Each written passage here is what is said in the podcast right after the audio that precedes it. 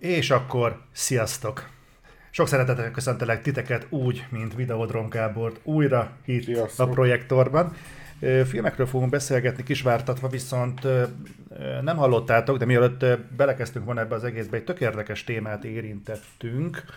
Én meg észrevettem, hogy valamit elfelejtettem megcsinálni, azt most így gyorsan pótlom, és utána felvázolom nektek, hogy milyen ö, mi rettentő húsba vágó témát kezdtünk el itt ecsetelni, még nem csak filmekről szoktunk el beszélni, sok minden másról is. Húztam be egy kis feketét a képbe, csak hogy lássátok, hogy mennyire minőségi a content. Tehát arra volt szó, hogy a napokban olvastam egy cikket, ami arról szólt, hogy, hogy ez a közhelyes megállapítás innen kezdődik, hogy ezek a gyártók, mondjuk autógyártóktól kezdve a, a bármilyen elektronikai cikkgyártókig, de szerintem bármit mondhatnánk, senki nem érdekelt abban, hogy tartós mm, terméket állítson elő, hiszen neki abból van a bevétel, hogy évről évre eladja nekünk a, a szarját. De ez lehetne mondjuk a mobiltelefon, Telefon. vagy, vagy bármi, amit el tudtok képzelni. Tehát és ebből volt egy kivonatolás, hogy egészen addig, amíg a, a cégek abban érdekeltek, hogy nekünk eladják a dolgokat, és a birtoklási vágyunkra építenek, addig nem érdekeltek abban, hogy tartós termék jöjjön létre. Ez annyira egy általános közgazdasági állandó, hogy gyakorlatilag közhelynek is mondhatjuk. Viszont érdekes volt a tovább gondolása, hogy ha viszont úgy közelítenénk meg, hogy a cégek nem nekünk gyártják ezeket a dolgokat, hanem szolgáltatás fejében teszik elérhetővé. Onnantól kezdve ezek a cégek már abban lennének érdekeltek, hogy minél tartósabbak legyenek, hogy ne kelljen a, fent, a, cuccok fenntartására külön költeniük. És ez egy paradigmaváltó megközelítés lenne. Volt egy érdekes példa, állítólag Hollandiában elindult egy olyan szolgáltatás, hogy villanykörtét lehet szolgáltatás keretében ö, bérelni, és érdekes módon a villanykörték tartósabbak.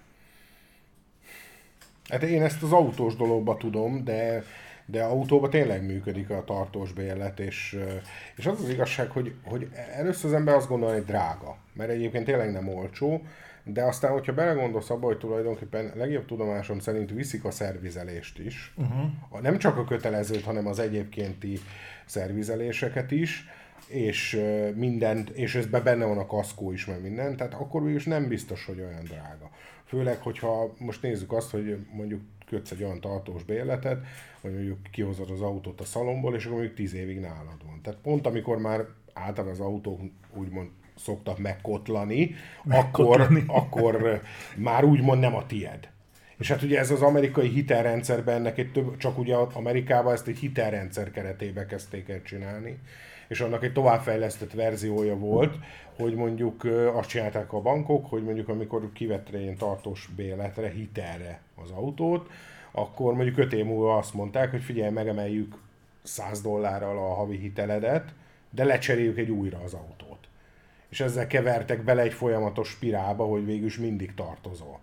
Na, jött a másik verzió, hogy nem dobunk rá árat, csak kitoljuk még 5 évvel a fizetendő részt. Akkor a végén már ott volt, hogy jöttek emberek, akik 200 évig fizettek. Tehát ezt tudjuk, Viszont mindig volt egy új autójuk. Igen, amerikai büntető végrehajtásból tudjuk, hogy ott nem jelent problémát két-háromszáz évre leültetni valakit. Igen, most volt valaki, akit elítéltek ilyen ö, ötszörös életfogytiglanra, vagy nem tudom Igen. micsoda, tehát ö, ö, pont én nézegettem Netflixen, belefutottunk a, a Berkovic Uh-huh. A dokujába, nem tudom, azt láttad-e? Azt szerintem azt még nem. szemfiai, mindenkinek ajánlom figyelmébe, kurva jó. Tehát valami egészen szenzációs, amit hoztak össze. Nagyon-nagyon tömören arról van szó, hogy a David Berkovicot azt így, azt hogy szerintem, aki nagyjából követi az amerikai sorozatgyilkosoknak a, a történetét, az úgy nagyjából képben van. Egyébként Teofi, nagyon szépen köszönöm neked a 16 hónapot. És róla sz- szól látszólag a sorozat, viszont egy ponton túl vált az oknyomozóra, aki utána ment. És eh, egy nagyon érdekes, eh, vagy igaz, vagy nem történetet mesél el, hogy mennyire belebolondult ebbe az ügybe, hogy milyen szálakat fedezett fel a Berkovic gyilkosság mögött, amik így körbeérték az Egyesült Államokat, és eh, felfedezett összefüggéseket a Charles Manson szektával, de nem tudta bizonyítani, csak közvetett, de közvetetten nagyon sok felé eljutott. És ezt, valahogy- és ezt valahogy így lebegteti a sorozat, hogy Egyébként kíváncsi vagy vagyok rá, mert, mert legjobb tudomásom szerint érdekes sorozatgyilkos például abban a tekintetben, hogy, hogy ha jól tudom, akkor nála nagyjából be is bizonyosult az, hogy azért ő így elég tudatosan elmebetegnek tettette magát már nyomozati szakaszba, tehát ez a kutyám beszélt hozzá, uh-huh. meg ilyenek, hogy, hogy azért ez ebből kiderült, ebbe be is húzták, ha jól tudom, a tárgyaláson a csőbe, hogy, hogy most nem akarok hülyeséget mondani, de talán, hogy, hogy ezt állította, hogy a kutyája beszélt ez hozzá, volt, igen. és hogy utána a, a az ügyés be is húzta a csőbe, hogy honnan jött a halucináció, melyik fülébe hallotta meg ilyenek, és hogy, és hogy ott kiderítették, hogy az úgy nem lehet, és hogy így be is húzták a csőbe. De annyira nem emlékszek rá, mert már régen olvastam róla, de érdekel pont emiatt. Van, nem kifejezetten a Berkovic az érdekes benne, hanem maga, maga ez a nyomozat, hogy mi lehetett, hogy része lehetett egy nagyobb hálózatnak. Sokszor, sokszor szoktuk itt egymás között is, megadásban is ekézni a Netflixnek a tartalomgyártási felfogását, de azt nem tudom elvenni tőlük, hogy dokukban, főleg ilyen jellegű dokukban azért baromi erősek. Hát és azt hiszem, hogy a jövőben majd még többet fogjuk őket ekézni valószínűleg. Nem tudsz valamit?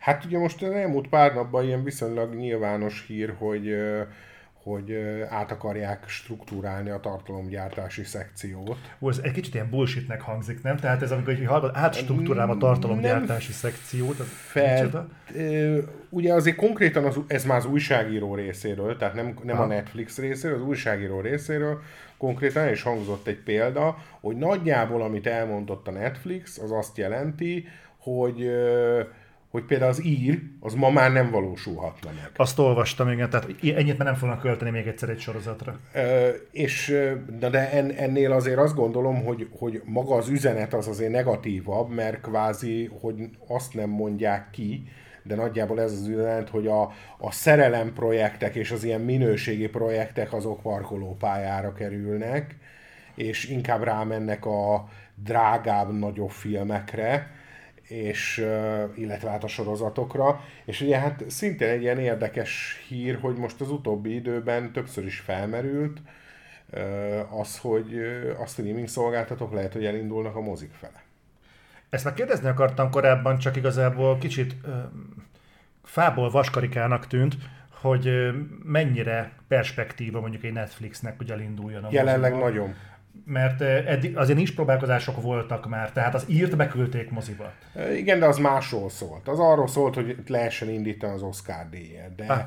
most a Törbejtve kettőnél ott egy konkrét széles körű bemutató merült fel, és ugye erre jött a másik hír, a, most lehet, hogy a, a magát a streaming szolgáltatót rosszul mondom, de talán, talán az Apple-ről van szó, vagy az Amazonról. Most itt lehet, hogy pillanatra kevelek, de ugye a Top Gun-nak a rendezőnek az új filmje, a Forma 1-es film, ami, amiben Brad Pitt lesz a főszereplő, azt ugye megvette, mondom, nem emlékszek melyik a kettő közül, de ö, már a megvételkor szerződésbe foglalták, hogy moziba fogják küldeni, és 60 napos ablakkal fogják moziba küldeni. 60 nap. Így van, 60 csak, napos csak, csak, hogy aki mondjuk kevésbé van képbe, a Warner és az HBO közti átfutási idő az 45 nap. Igen, ők most 60 napban gondolkodnak, és egyébként hozzátenném, hogy ebbe a nagy, ebbe a borzasztóan fokozott covidos streaming háborús időszakban jelenleg van mit keresni valójuk. A Netflixnek is van keresni valója, ugyanis én mit mondok az elejétől kezdve,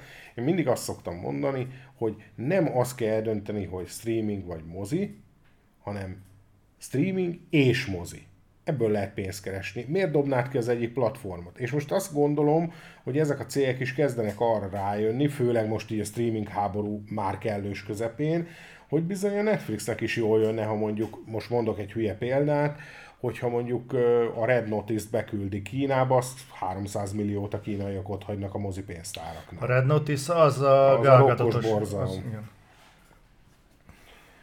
Úgyhogy Úgyhogy meglátjuk, hogy mi lesz. Sajnos ezt egyébként a nagy stúdiók cseszték el, mert annyira rámentek erre a streaming dologra, és elkezdték a tartalomgyártást, hogy kicsit a mozikból kifogytak a tartalommal. Tehát azért most ez a nyár, ez a, azt hiszem, hogy az elmúlt 20 év legkevesebb nagy stúdiós bemutatója van ez alatt a három hónap alatt. Ami tök érdekes, mert hogy egyébként lesznek bemutat lesznek filmbemutatók, tehát most csak azt nézve, hogy én például ezen a héten, most nyilván magamból veszek merítést, de talán valamennyire azért reprezentatív, és Kormos Perec, neked is nagyon köszönjük, hogy most például moziba fognak küldeni ö, három filmet is az elkövetkező időben. Ennek a héten van a premierje. Az egyik ugye a fekete telefon, amit már láthattatok. A másik, amire nem tudtam elmenni, mert már este hétkor már nem, nem akarok kint kóricálni, de ez a keltetés. Igen. És uh, holnap van az Elvisnek a sajtóvetítése, amit... És a héten jön a Lightyear. Ami? A ezért Toy story is, a Lightyear. Ja, igen, igen, igen. Az most jön a héten? Az most jön a héten. Komolyan? Igen. Ja, tényleg annak is volt sajtóvetítés, csak arra nem, nem, arra sem mentem el. Nem tudom egyébként, nálatok vannak ilyen előrejelzések? Tehát ti tudjátok például azt, hogy mielőtt mondjuk behoznák a, a Lightyear-t a mozikba, hogy, hogy azért mekkora sikert vártok tőle? Tehát erre tudtok valahogyan készülni? Nem, nem nagyon. Vagy igazából- Nem nagyon, de ez, ez, ez, erre azt kell, hogy mondjam, hogy most nyilván nem nagy képűség, de ez szakmai tapasztalat. Tehát azért maga a formula nem sokat változott az elmúlt húsz évben.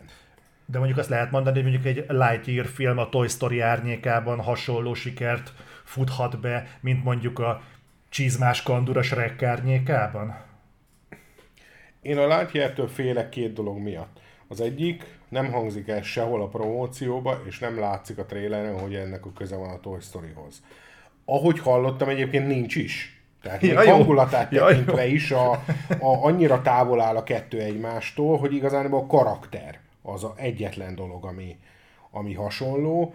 Viszont a Jurassic World árnyékában, hát nem tudom, szóval én nem, nem nagyon bízok ebbe a filmbe, és hát én még mindig tartom magam ahhoz, hogy amit művel a Disney mesefronton, az, az egészen borzalmas. Tehát olyan szinten lövik magukat, saját magukat lábon, és tiszta fura, hogy egy, ugye még mai napig halljuk az álszentséget, hogy ők 18-as karikát nem vállalnak be filmbe, de közben a legfontosabb lábukat, a mesét a saját maguk alól rúgták ki. De ez tök fura, mert hogy ők pont a, amikor felvásárolták a 20th Century Fox-ot, akkor mondták, hogy a Deadpool-t meg fogják hagyni erbesorolásnak. Igen, valószínű, hogy ott lesz itt valami. Én egyébként ennél sokkal jobbra számítottam. Tehát én, én azt gondoltam, hogy ha a Disneynek van esze, akkor az átalakuló Foxot használhatja úgy, mint régen a Touchstone Pictures-t, vagy éppen a Hollywood Pictures-t, hogy nem Disney film, de mégis Disney film. Aha, értem. De ehhez képest valószínűleg a Deadpool lesz az egyetlen ilyen, látni fogunk,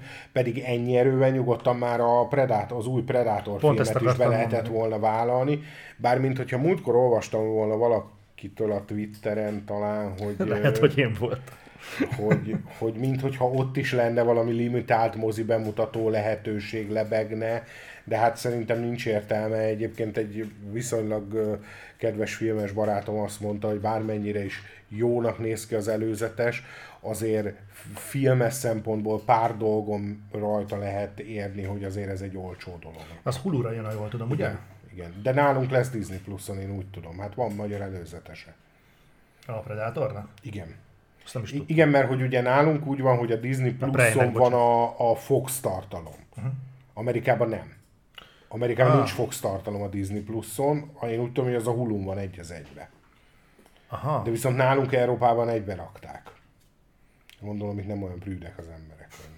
Ké- eh, akkor viszont megkérdezném, hogy már bár szóba került a, a Jurassic World, most már azért kint van egy hete, ha minden igaz uh-huh. a mozikban. Ti hogy látjátok egyébként, hogy beváltotta a Jurassic World a hozzáfűzött reményeket, vagy meg a másik kérdésem, hogy igazából a, a te kezedben koncentrálódik az egy jó pár mozi itt Budapesten, de egyébként ilyenkor egyeztettek a, a, a többi hálózattal, és remélem ti, ti tapasztalatok az ugyanúgy csapódik el máshol is? Nem, nem nagyon. Nem nagyon. Meg, meg nagyon-nagyon eltérőek a tapasztalatok. Uh-huh. Tehát azt látni kell, hogy, mi, hogy azért a legtöbb mozinak megvan a maga közönsége. De akkor nem rejti magában annak a lehetőségét, hogy amire mondjuk te azt tapasztalod, hogy bukik a film és nem jól szerepel, az mondjuk a másik mozi hálózatnál viszont kitörő siker? De megvan, de igazából én, én mindig a saját dolgomat szeretem tudni, uh-huh. és a saját dolgomat azt meg már tudom.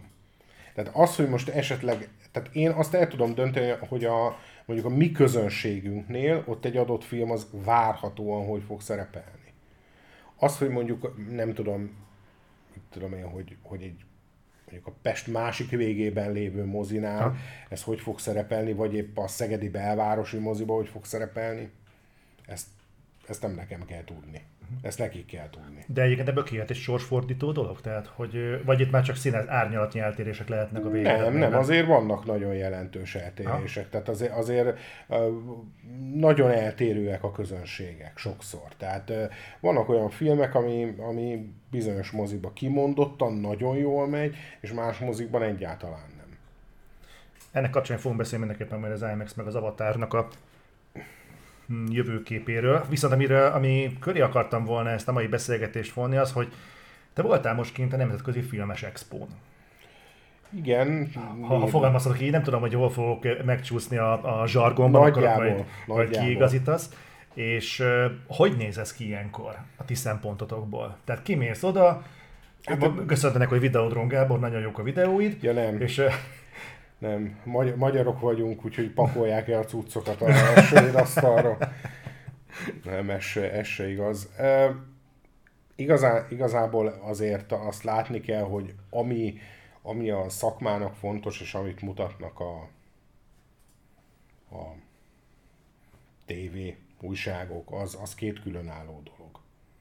Körülbelül hogy kell ezt elképzelni? Tehát, hát úgy, hogy, úgy, hogy van, egy olyan, van egy olyan része, ami az újságíróknak szól, sajtónak szól, és van, van egy szakmai része a filmvásár. Oké, okay.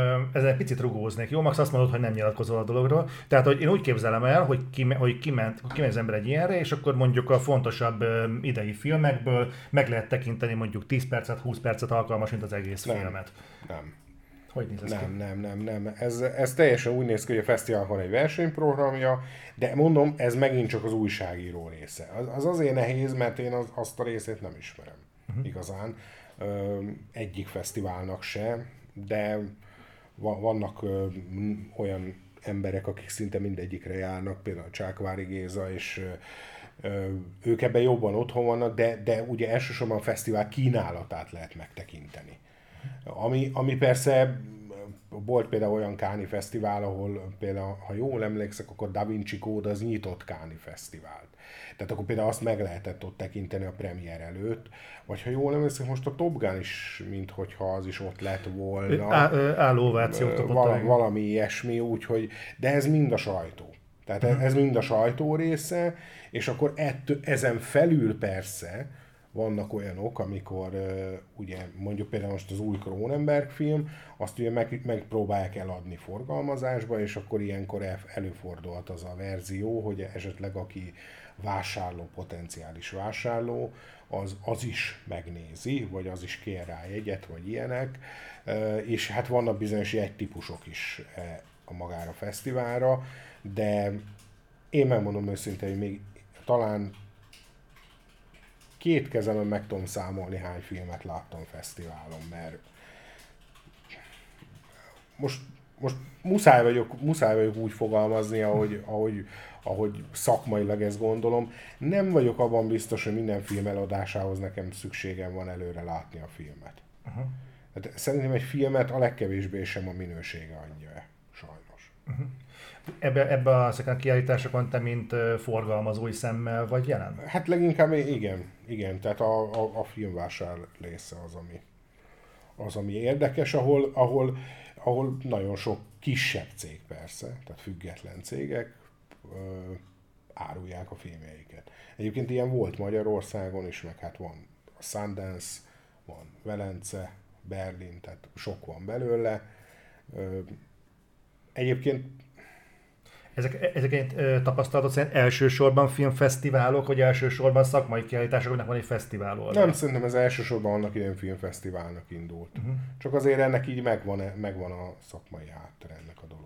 A szakmai rész, az, és nem fog ezen többet lovagolni, ha mondjuk maradunk a Top Gun Mavericknél, akkor csak egy teljesen teoretikusan elvontan, miben különbözik az, amikor a Top Gun Mavericket bemutatják fesztivál jelleggel a sajtónak, és mondjuk a Top Gun Mavericknek meg van mondjuk egy szakmai oldala, az hogy kell elképzelni? Ott megjelenik valaki és elmondja, hogy milyen típusú mozikban fog legjobban nem, kinézni, vagy, vagy... Nem, nem. Eleve, eleve, ha jól tudom, a Maverick az, az versenyprogramon kívül indult. Uh-huh. Tehát szerintem az nem férne bele a Káni felhozatalba, úgymond. Nem, nem. Tehát általában ilyenkor tart, tehát az a rész, amiről olvasunk az újságban, az inkább a sajtónak szól. Az világos. Tehát, hogy, hogy, hogy ha ott van is valaki, akkor mondjuk ott a rendező, ott a Tom Cruise, vagy például, amikor, csak mert a Da Vinci kódról jut eszembe, hogy például amikor az volt, akkor kurva nagy piramist építettek a fesztivál elé, és abban volt benne az első vetítés, abban a piramisban. Ott Az igen. És, és tehát ez egy kurva nagy promóció volt. Tehát ennek nincsen szakmai ez egy promóció ilyenkor. És a szakmai része az, az meg hát olyan, mint egy piac. Ja, hát akkor az gyakorlatilag a szakmai rész az annyi, hogy gyakorlatilag megjelennek a vásárlók, és akkor azt mondják, hogy, az eladók, igen. hogy, lát, hogy vagy láttad a filmet a fesztivál részen, vagy nem, Igen. vagy, vagy pusztán Vagy mondjuk azt mondod, hogy téged ez érdekelne, de meg akarod nézni, és akkor be akarsz menni a vetítésre. Bizonyos jegytípusra erre eleve van jogod, más jegytípusnál akár Aha. segített a forgalmazó is, vagy akár adhat screenert is ez ügybe, hogy, hogy meg tud azon keresztül nézni. Egyébként ma már a mai világban, főleg ez így a Covid háttér miatt, tulajdonképpen már szinte teljesen átköltöztek a digitális screener szintjére ezek a dolgok, tehát már, már egyre kevésbé jellemző ez. Aki, és, aki nincsen ezzel képben, ez a digitális screener, ez hogy kell elképzelni? Hát ugye ez, ez egy vízjeles változata a filmnek, ami általában azért, hogy is mondjam, azért visszafogottabb minőségű, mint a mozi verzió, és sokszor akár még egy félkész, vagy akár egy, egy vágás még hátra van verziót adnak ki. De van olyan is, amikor a fullos készfilmet egy vízjellel odaadják, és akkor ez alapján mondjuk egy vásárló eldöntheti, hogy ő ezt akarja ezt a filmet, vagy nem akarja. Vagy ez alapján elkészülhet a szinkron például. Hát az már egy kicsit más, az már egy, az már egy ugyanis screenerből, de ugye az már mindenképpen a végleges verzió, és ahhoz készül egy ilyen úgynevezett számsorod a tetejére, és akkor az alapján csinálják. De, de a, a, egyébként ö, ö, hasonló a kettő, csak az már biztos, hogy az a végleges, amit a szinkronhoz használnak.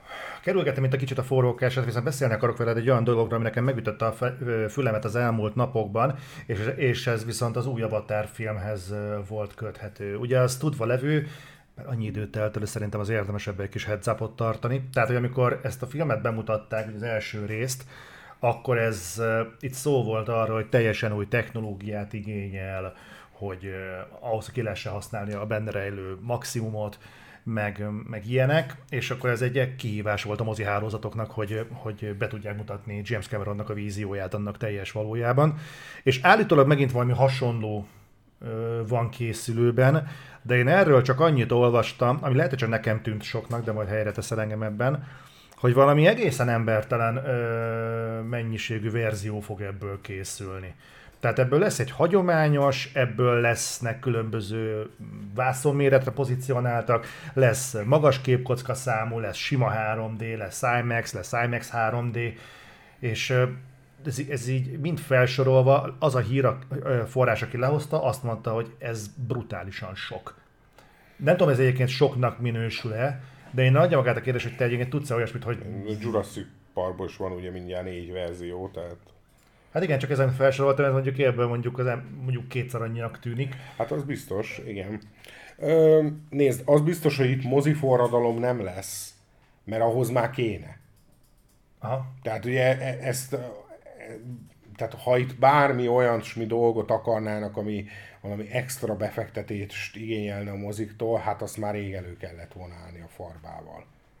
Tehát most gondol, gondold el, hogy, hogy milyen nyersanyag hiány van éppen a, a világon, és akkor mondjuk kitalálják azt, hogy mit tudom én, milyen vetítőgép chip kell hozzá, meg új lencse kell hozzá, és akkor szerintem a moziknak a 90%-a után is honnan. Tehát, hogy tehát e- ehhez már most késő lenne, hogyha most bejelentenék, hogy, hogy valami új dolog van. A, viszont az, hogy sokféle verziója lehet a filmnek, azt én készségesen elhiszem. Szerintem sokat nem fog számítani. Én azt gondolom, hogy az Avatarnál két dolog számít, a szimpla és a 3D verzió. A 3D verzió csak egy dolog miatt, van ennek valamennyi nosztalgikus háttere amiatt, mert az elsőt nagyon sokan 3D-be látták, de egyébként azért ez a 3D dolog, ez már nagyon erőteljesen kezd kifulladni. Aztán egyébként még akár az Avatar adhat neki egy lendületet, de az, abban biztos vagyok, hogy viszonylag sok ember fogja majd 3D-ben megtekinteni. Egyébként saját tapasztalat, hogy ezzel a 3D mániával, amikor volt a Jurassic World világuralomnak a, elközelebb picit, világuralomnak a, a vetítése, akkor azt IMAX 3D-ben néztem meg. És nekem rohadt gyanús volt, hogy főleg az elején, ebben nincsen nagy spoiler, az elején nagyon sok az ilyen nyugodt jelenet, ugye ott az erdőben uh-huh. bolyonganak, meg stb. És volt egy pont, ahol úgy döntöttem, hogy leveszem a szemüveget. Uh-huh. És elkezdem anélkül nézni. És gyakorlatilag annál a résznél nem láttam sehol sem 3D-t, és amikor beköszöntött a 3D, az meg olyan volt, amikor a Raptor bement például a busz belsejébe, és az volt az érzésem, hogy itt azért már a 3D-vel nagyon sok esetben inkább már egy alibizés zajlik, mint egy valós technika kihasználás. Hát nem tudom, én, én az, tehát pont ma mondta egy ismerősöm, de totálisan igaza van benne, hogy egy filmben minél többet rajzolnak, számítógépen, vagy anélkül, vagy annál jobban tud működni a 3D. Uh, és van még egy lehetőség, amikor nagyon működik a 3D, hogy kimondottan odafigyelnek rá. Például én egyébként bár nem vagyok nagy híva a technikának, az két dolgot el kell ismernem. Az egyik az az, hogy a Jurassic Parknak megcsinálta a Spielberg a 3D verzióját, és cefet jól néz ki, meglepően jól néz ki. A másik meg, hogy eddig akármilyen 3D-s mesére rápróbáltam, azok mindig maromi jól néztek ki. Tehát a mesefilmek, animációk és a nagyon túltolt CGI cuccok, azok baromi jól tudnak kinézni. Gondolom, gondolom a réteges rajzolás miatt, vagy, vagy ráillesztés miatt, tehát nem tudom pontosan, nem tudom ennek a technikai hátterét, de azok tényleg jól tudnak kinézni. De én magam igazából annyira nem vagyok a dolognak a híve. Utolsó 3D filmet láttam, szerintem az a meg volt. Abból volt 3D-s volt, verzió? Voltam. Voltam. Hú, és én pont arról maradtam le. Voltam. Ez a meg az ős cápa. Azaz, Aha. azaz. Tényleg annak is most jön valamikor idén a második Bizony, jövőre, jövőre. Jövőre? A, a, sajnos olyan sokat kell rá Még Jason Statham ismét úszni fog és felveszi a harcokat. Tényleg azt, ilyeneket ennyire előle be lehet vásárolni ezeknek a kiállításoknak a szakmai oldalán? Nem. Tehát például egy nem, megkettő? Hát ha, ha mondjuk csak, nem, tehát, tehát ilyen stúdiófilmek nem kerülnek ilyen helyekre, tehát az, az teljesen másképpen működik. Ugye itt csak független filmek vannak, Aha. de egyébként az idő, az, az, az egy nagyon érdekes tényező. Tehát eh, most nem akarok hülyeséget mondani, de ha jól emlékszek, akkor a Rambo 5-öt azt a 8 éve árulják. Tehát az elkészülte előtt 8 éve már árulták a filmet. Jó, mondjuk ez egy, ez egy viszonylag különleges dolog, mert, mert ugye szerződése volt rá a, Stallone-ének, és akkor mégse csinálta, meg mégis megcsinálta, tehát ez egy kicsit ilyen össze-vissza dolog, de vannak ilyenek, egyébként, hogy fogják magukat, és, és ez régen is így volt egyébként, tehát már a 90-es években, hogy én már láttam olyat például, sőt, hát láttam olyat, csomó olyat láttam, hogy mondjuk itt a poszter, azt majd a film két-három év múlva jön. Igen. De láttam én már olyat, például a Gentlemansnek a, a forgatókönyvét, amikor én láttam, az abban még nem ez a szereplőgárda volt fullosan. Teljesen más szereplőgárda volt akkor még a, a Guy Ritchie film. Igen, de a forgatókönyvnek tartalmaznia kell a szereplők. Nem, de ezt tartalmazta, mert ugye ez, ezzel árulták a filmet. Ah. Tehát ő, ők például úgy árulták, hogy itt a forgatókönyv, és ez a várható szereplőgárda. Ah. És ott a várható szereplőgárdának, ha jól emlékszek, egy azonos pontja van azzal, ami lett a filmbe. És ilyenkor azért van azért egy olyan dolog, hogy tudod, amikor egy ilyen filmet megveszel, akkor úgy kötöd a szerződést, hogy azért azt azért beleírják, hogyha végül aztán kiderül, hogy mondjuk a rock lesz benne a főszereplő, akkor nem lehet visszacserélni. Meg akkor sem, hogyha kiderül, hogy a stolbuci. Tehát ez most már akkor így maradt. Tehát ez, ezért nem olyan jó ilyen nagyon előre venni cuccokat. De egyébként azért jellemző az, hogy, hogy egy-két évvel előre dolgoznak ezek a dolgok fesztiválok. Mm. Mármint a vásárlási része. Tehát akkor gyakorlatilag ö, láthatnánk ilyenkor már itt kint egy ilyen fesztiválon a meget, hogyha egy-két évre előre dolgoznak valamilyen formában, meg Ha, kettőt. ha, ha nem veszük azt, hogy ez egy nagy stúdiós film, csak az időről beszélünk, akkor igen, akkor elképzelhető, hogy a jövő év második felében bemutatásra kerülő film, az már, már ott lenne. Ha máshogy nem legalább egy plakát formájában. Igen, tehát ez, ez elképzelhető, igen. Térjünk vissza egy picit még az avatára, mert ez, egy, ez, egy, ez, ez azért egy mondjuk egy sorsfordítónak titulálható esemény lesz év végén, még akkor is, hogyha azért mostanra az ember már kellően át van itatva cinizmussal. De, de ugye kijött azóta a trailer, és már látjuk nagyjából, hogy mit fog tudni a film, még akkor is, hogyha nyilván teljes pompáját azt így nem tudjuk még így lemérni, meg szemrevételezni. De de ti például említetted, hogy a, a ti mozi közönségeteknek az igényeit azt aránylag jól fel tudjátok térképezni. Tehát az alapján te érzed a, az Avatar vibe-ot? Mert megmondom őszintén, hogy amikor tőlem megkérdezték, hogy én például melyik filmet várom idén kifejezetten, akkor nálam a Top Gun Maverick volt, meg az Elvis. És nagyon meglepődtem például a fekete telefonon, amit itt írta is valaki, hogy megnézett, és nagyon tetszett neki, hogy megy megnézni, majd kíváncsi vagyok a véleményedre. De de például az Avatar az itt teljesen kicsúszott, pedig az el, pedig az utána jövő néhány évben. Én például Avatar lázban égtem, amikor láttam azt a filmet. Tehát én például tényleg át tudom érezni, milyen volt annak az embernek, aki kijött a moziból, és ott újongott örömében, hogy úristen, micsoda, micsoda élmény. Hát én csak a saját tapasztalataimról tudok beszélni. A helyzet az az, hogy, hogy én sokkal rosszabbnak láttam a helyzetet fél évvel ezelőtt.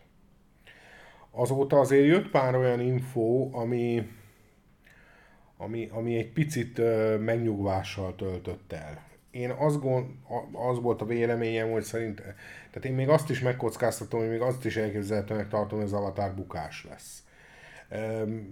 Szimplán azért, mert túl sok idő telt el, James Cameronnak a neve nagyon megfakult, ezt ő az Alita bizonyítja, amit végighakniszta a sajtót és bukott a film, de egyébként végső soron a Terminátorba is az újat azt végighakniszta, mert ugye abba őt belehúzták valamilyen út.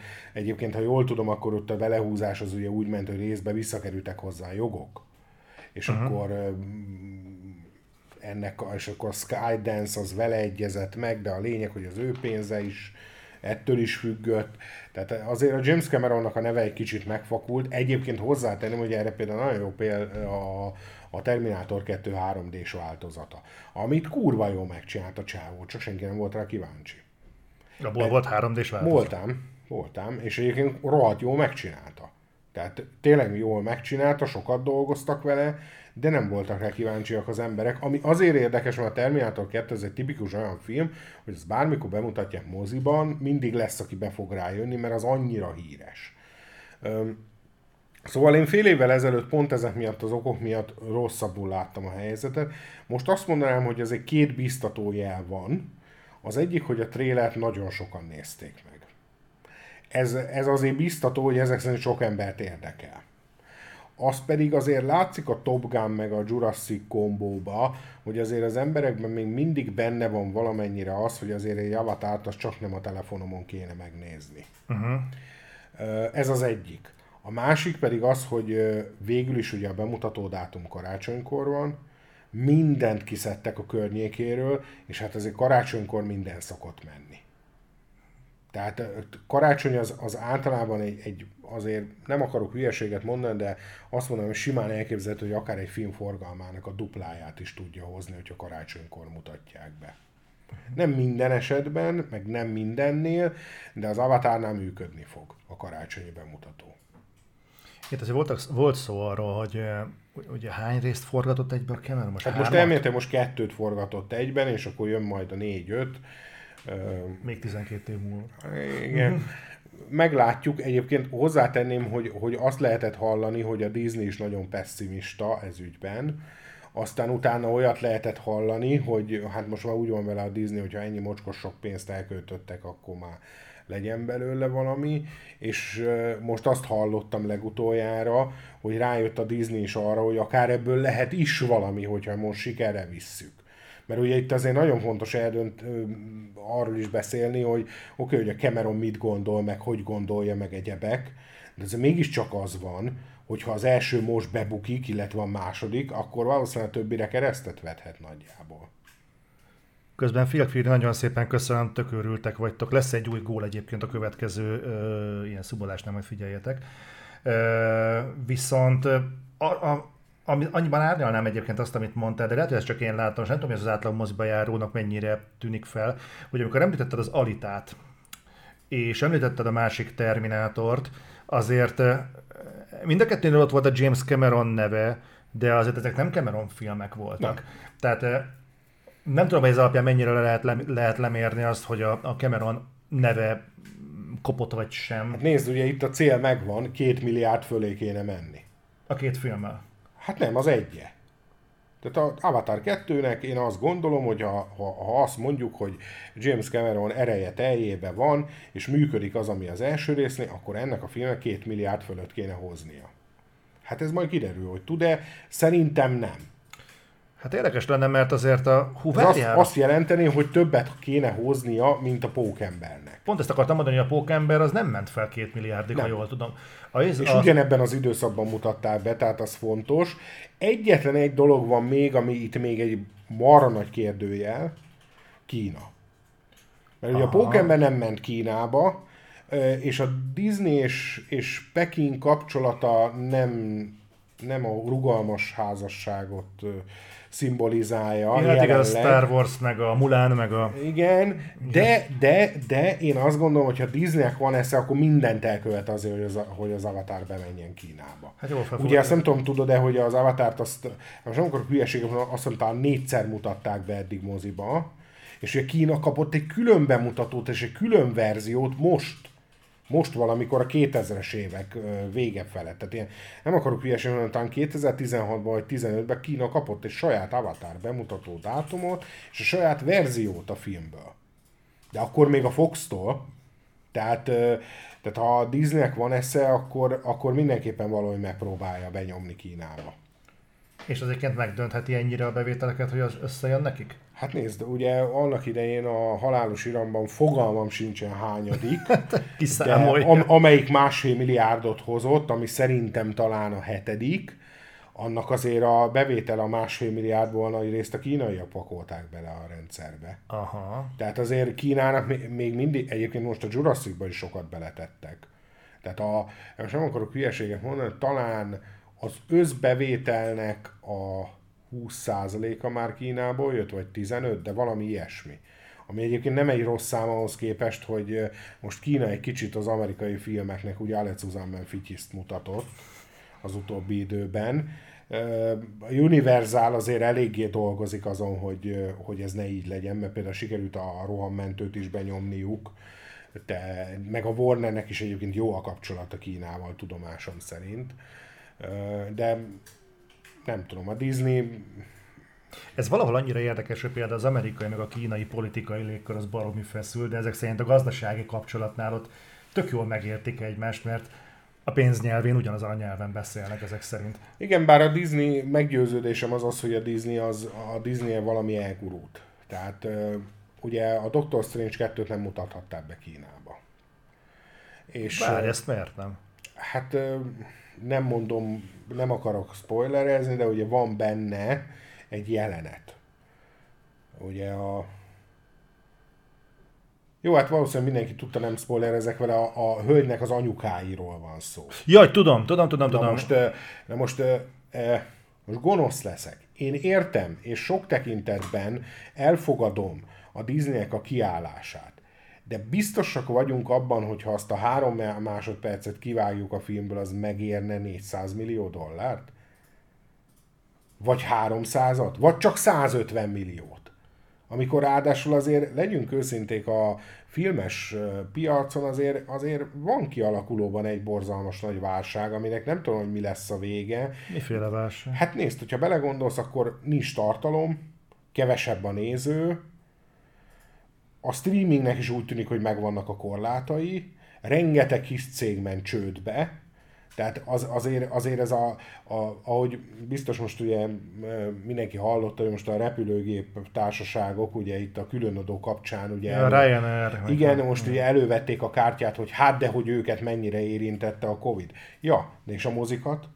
Tehát azért, azért itt voltak olyan, tehát mióta van mozi, azóta nem volt ilyen, hogy zárjál be fél évre. Tehát azért azt úgy, az, az azért úgy nehéz. És erre, ezek, erre a stúdióknak is idomolniuk kellett. Ráadásul a stúdióknak úgy kellett idomulniuk, hogy egyszer csak eljött az a pont, amikor azt mondták, hogy oké okay, gyerekek, és most bazd meg, mit csináljunk. És akkor mondta valamelyik okos, az ez vezetőségi értekezett, hát az attól függ, meddig tart a Covid. Oké, okay, és meddig tart a Covid? Hát azt nem tudom. Na szóval egy ilyen helyzetben... Ilyen megbeszéléseket én is tudnék folytatni. Egyébként. Hát igen, de nagyjából ez történt valószínűleg, és ezért van az, hogy most némi filmhiány van. Nyilván ebbe bejátszik, hogy pár kisebb filmet letoltak a streamingre, vagy a sajátjukra, vagy másikra.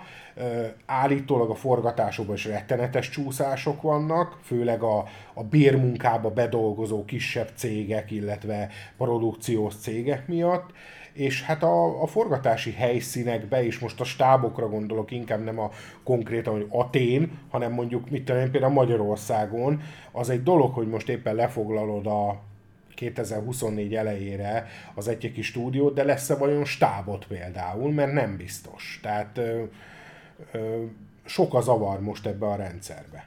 Ennek lehetett szerinted betudni azt, hogy például a Thor szerelem és mennydörgésnek a, az első komolyabb trélere az szűk egy hónappal a premier előtt jött ki? Ö, nem, nem, a tornak nem ekkor lett volna a bemutatója. Legjobb tudomásom szerint a Tor később jött volna, és helyet cserélt valami másik marbe. A, ha jól tudom, úgy volt, hogy volt ez a nyári időpont, ahol volt egy antitled Marvel movie, uh-huh. és akkor oda bejött a Thor, mert időben elkészült vele a Taika Waititi, és az hátrébb tudott menni. Tippem szerint ez a Fekete Párduc 2 lehet egyébként, ami ugye köze fél évig állt a forgatás. Uh-huh. Tehát azt tudom elképzelni. Tehát szerintem itt ez történt, és a, a roham tempó miatt nem jött szerintem előbelőzetes. Aha, mert azt hallottam, hogy, hogy mondjuk azt is csak plegykálták szaklapok, hogy, hogy e, de ők azt mondták, hogy valószínűleg csúszni fog a tor, mert hogy ők is azt mondták, hogy a trailer nem készült el, és volt egy olyan nyilatkozata a White hogy a hogy valószínűleg a premier, hogy reméli, hogy a premier napjára sikerül elkészülni a filmnek a utómunkálataival, ami lehetett egy túlzó poén is, de, tört, is inkább. de, de a, a forrás, aki lehozta, eléggé komolyan vette. Nem, szerintem té- tényleg valószínű, hogy az lehetett, hogy, hogy most egy kicsit adhok jellege jönnek ezek a változások, és sok a változás nagyon örülök, hogy legalább van tor, mert ha az nem lenne, akkor július hónap majdnem üres lenne. Tehát a, a, sajnos azt, azt nem is tudom, tehát tényleg most már lassan mondhatom, hogy 20 éve vagyok a szakmában, de nem emlékszem ilyen júliusra, hogy szinte üres.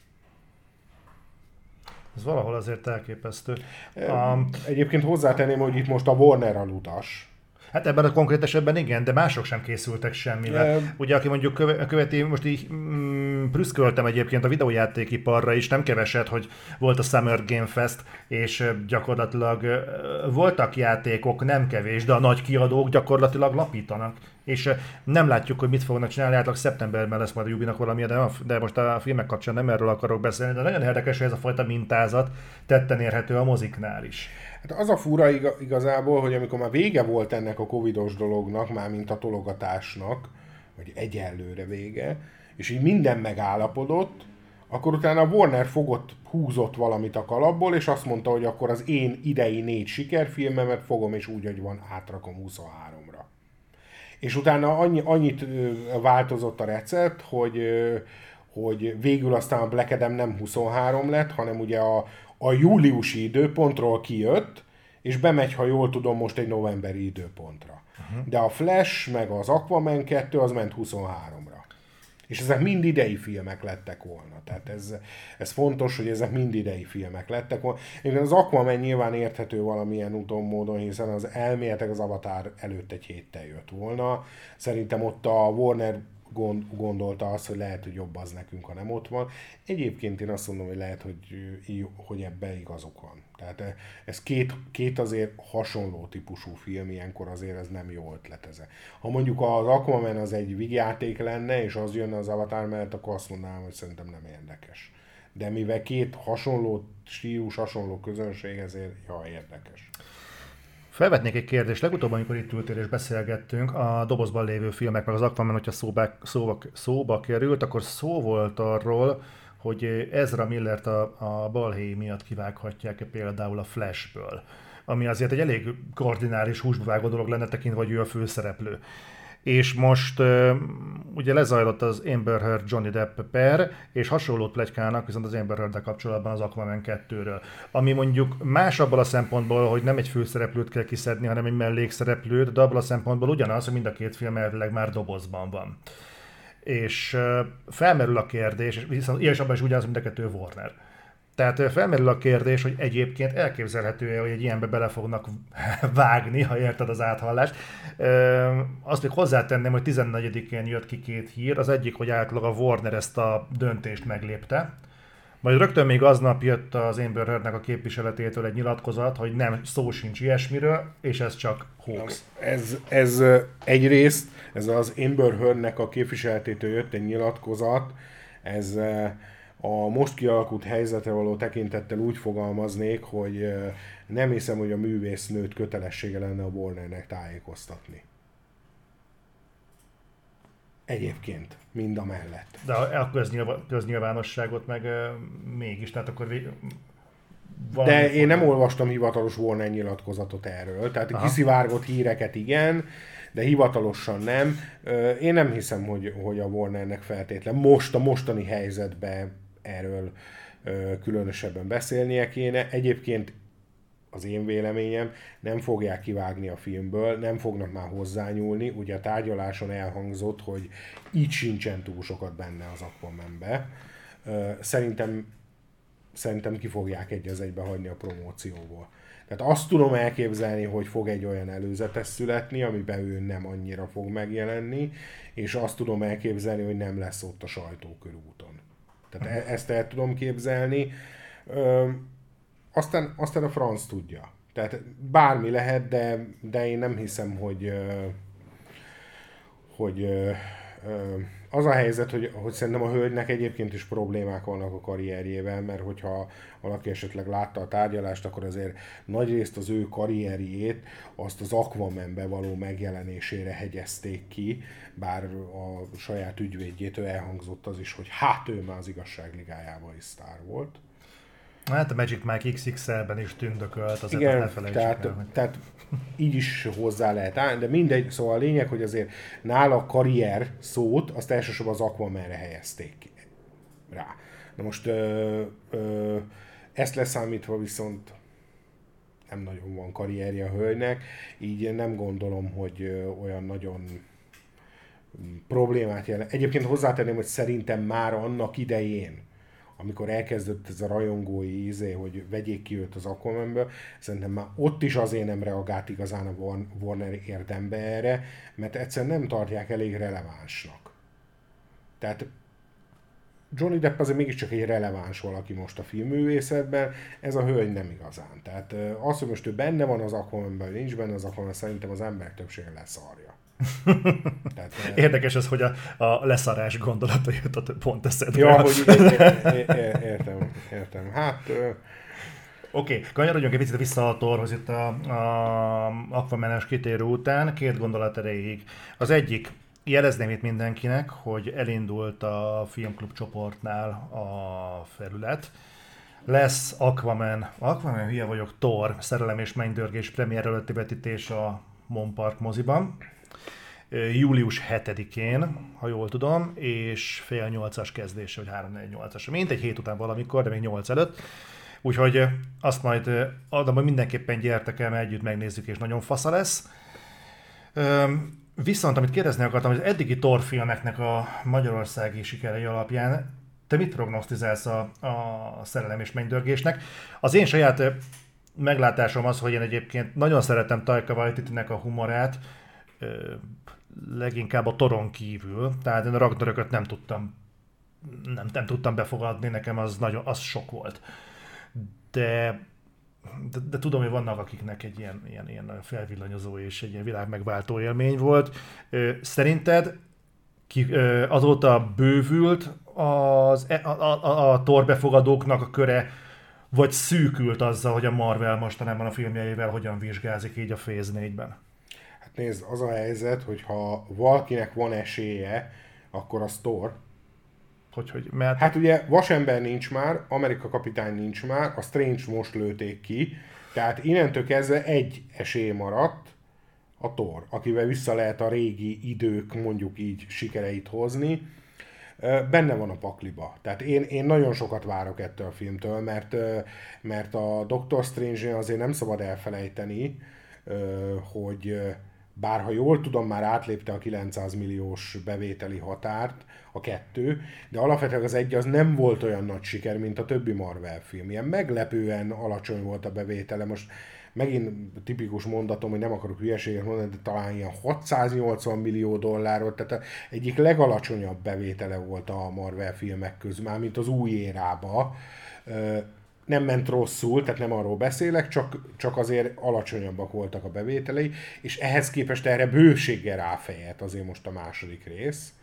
Legalább százzal többet hozott, de nem tudom, valakinek van kedve majd utána nézni, ennyit hozott az első, de a tornán szinte biztos vagyok benne, hogy, hogy robbanni fog. Hogy mekkorát? Na, az már egy érdekesebb kérdés, mert az egyfajta jövőképet is mutathat a, a Disneynek, mert abban biztos vagyok, most mondok egy példát, hogy ha a tor mondjuk másfél milliárdot hoz, akkor a Disney az nyugodtan fölírhatja a kockás füzetbe a vezetőségi értekezet, hogy akkor ezek szerint majd a galaxis őrzői is hozhat majd ennyit, nem fog talán ennyit, de hozhatna akár ennyit is, a Marvel kapitány is azt mondhatják, hogy hát ennyit nem fog hozni, de ez mondjuk ilyen egy-kettő még benne is lehet.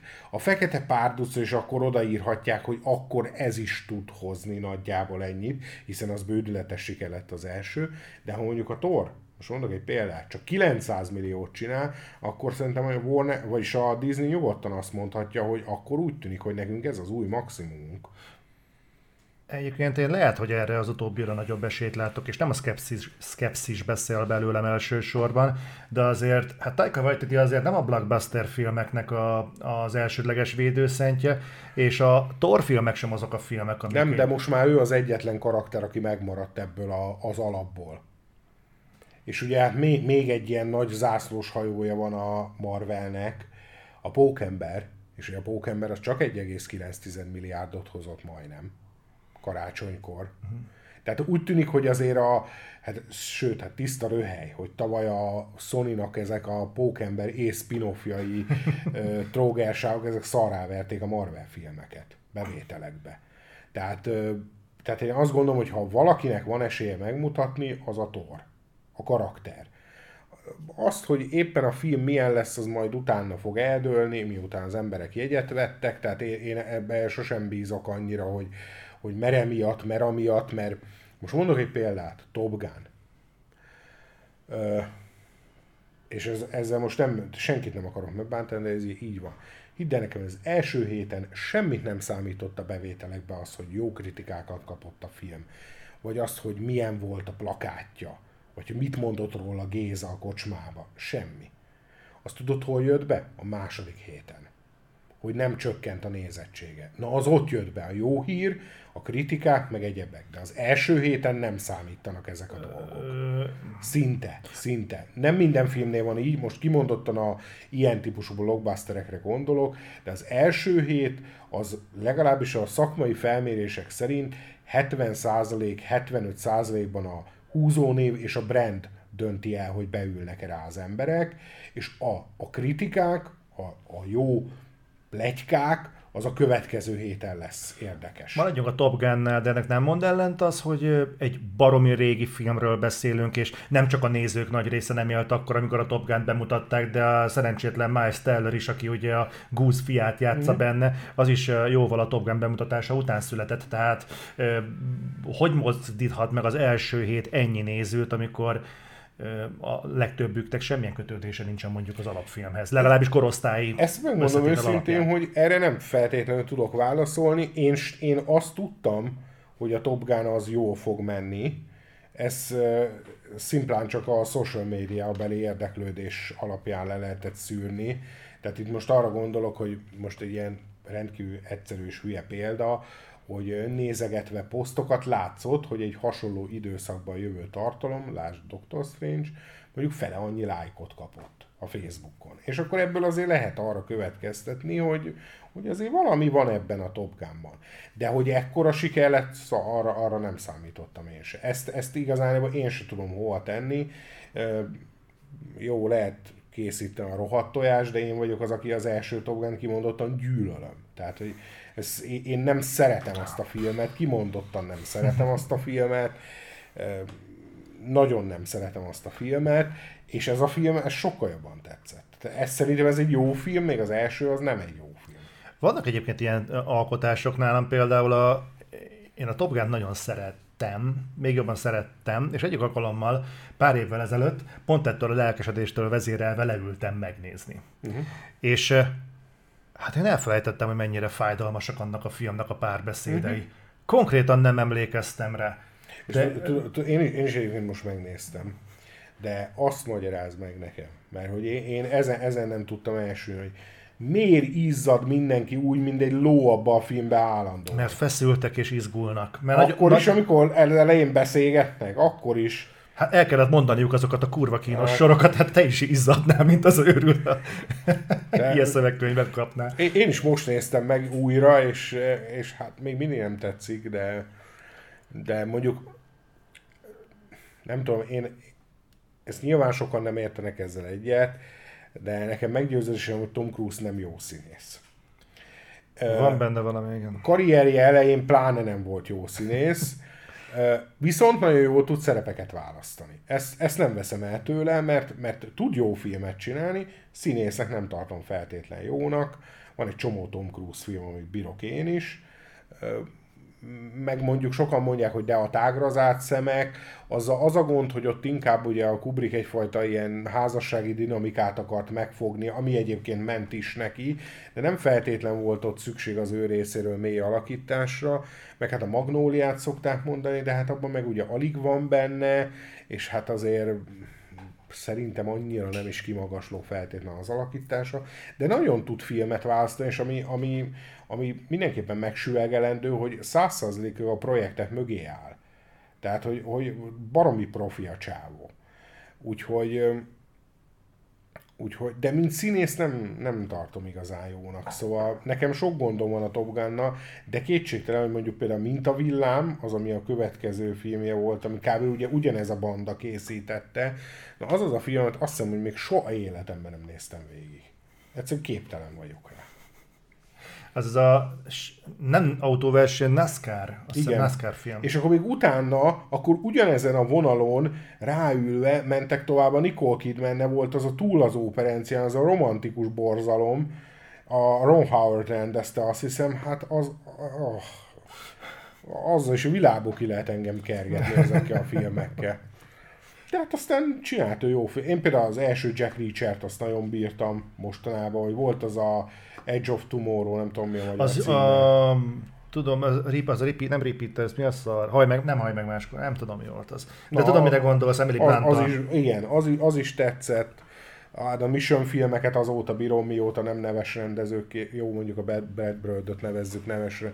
Szóval rövidítem, a negyedik film óta bírom a Mission Impossible filmeket. Szóval nem a filmjeivel van bajom, meg vele sincs bajom. Szerintem az tök jó, hogyha valaki ezzel tisztál. Otthon például a Rock. Hát a Rock se jó színész. Hát ő nagyon nem színész. De hát azért ő ezzel tisztában, és azért olyan szerepeket vállal, ahol mondjuk egy gorilla partnere, vagy ilyesmit. Tehát, hát azért nem, nem akar ő feltétlen azért, mit tudom én, tudom, Csehót játszani a színházba, tehát nincs ezzel gond szerintem. Szerintem az tök jó, amikor valaki ezt belátja, hogy ká... mert vannak azért olyanok, mint például a Vin Diesel Na ő nála például nem vagyok benne biztos, hogy ő belátja, hogy neki a halálos irama a karrier csúcspontja, és, és ennyi és ennyi lesz, és nem lesz több, és nem volt több. Szerintem egyébként ő tisztában van ezzel. Arra vagyok kíváncsi, hogy tényleg meg fognak állni az utolsó két résznél, mert ugye két részre lesz meg, bontva az meg, utolsó meg, meg, fognak, meg, meg. Most már érzi a univerzális, hogy ennek vége. De most már az utolsó film is a Covid utóhatásának köszönhetően jól ment, de annyira érződik, hogy az már minden szinten szenvedés az utolsó halálos iramban szerintem. Mert én komolyan mondom, hogy ott ez, a, ez amikor kilövik őket az űrbe, ott, ott tényleg, tényleg ott már az volt bennem, hogy, hogy most már úgy tűnik, hogy így írjuk a forgatókönyvet. Hogy van egy mém, hogy a következő halálos iramban az űrbe mennek, és akkor bazd meg, azt írjuk bele mindenképp. Tehát először szétnéznek a Redditen, és akkor utána igen, megnézik. Igen, tehát, tehát szerintem érzik azért, hogy ebben nagyjából ennyi van, és hát azért a bevételek is mennek lefele, ami nyilván egyrészt köszönhető a rock távozásának, mert azért ő a sokat hozzáadott a bevételekhez. Remélem egyébként, hogy a Hapszé Show-ból csinálnak még egyet. Én azt egyébként úgy nagyjából bírtam, ha az utolsó 40 percét kivágjuk, akkor szerintem az egy élvezet. Tökéletesen egyetértek az, amikor visszamennek a milyen szigetre, nem is akarok emlékezni rá, de tök jó volt az a film. É, Addig jó volt, a- a- az a elkapom a helikoptert egy kézzel, az a rész, az már annyira nem kell. Az már egy kicsit túlzás Az már hiteltelen Igen, volt? igen, talán az Addig, már. addig teljesen hiteles Hát volt addig, a film. addig se, de az már túlzás. Figyelj, van nekem egy olyan, mondom, egy olyan film, amit nagyon kíváncsi vagyok arra, hogy, hogy szerinted milyen utat fog befutni, főleg azért, mert idén ezt várom az egyik legjobban, ez pedig az Elvis. Én nem vagyok Elvis zenéjének a feltétlen híve és elkötelezettje, mert, mert nem. Tehát én ha rock, akkor, akkor inkább a keményebb zenét szeretem, meg, meg ilyenek. Viszont én nagyon nagyon elkötelezettje vagyok a zenészekről szóló életrajzi filmeknek, és ugyanígy a, a Nyughatatlan, megnéztünk egy filmet, a ó, Sex Pistols film, a, a Szidés, nem? Sid és- Sid és Nancy kurva jó volt szerintem, a, a Drakulátok játszott, a Gary Oldman, Gary Oldman egyik, egyik korai alakítása, már akkor is az az emberi korszakos zseninek minősült szerintem. De most a Pistol filmet is meg akarom majd nézni, de azóta várjuk arra, hogy, hogy legyen egy Elvis film, hogy lássuk, hogy a király honnan jött meg, stb. Hozzátenem, a Netflix csinált róla egy dokumentarít, mert azt kb. 20 perc után lezártuk, vagy még annyi sem, mert amikor úgy kezdődik az egész, hogy a gyerek már pólyás korában zseni volt, és a gospel kórus legjobbja, és hogy már a járásán lehetett látni, hogy sokra hivatottak, hogy úgy, úgy nagyon gyorsan túladagolódott bennem a, a, a cukor, és kapkodtam az inzulin injekció után, amit egyébként nem kell, de ott úgy éreztem, hogy kelleni fog. Hát ugye egyébként azért, azért azt érdemes utána ha valakit esetleg érdekel a téma, hogy a 90-es évek végén talán, vagy 2000-es évek elején volt egy HBO-s Elvis film, egy tévéfilm, ami nem jó, de ha valaki esetleg fel akar készülni Elvisbe, akkor meg lehet nézni. Illetve hát ugye a John Carpenter Elvis filmvel, Kurt Russell Elvis Presley, és ez egy közel három órás tévéfilm. Megmondom őszintén, szerintem nem egy túl jó film. Tehát nekem, nekem az annyira nem tetszik az a film, de abból azért az életből ki lehet egy picit okosodni.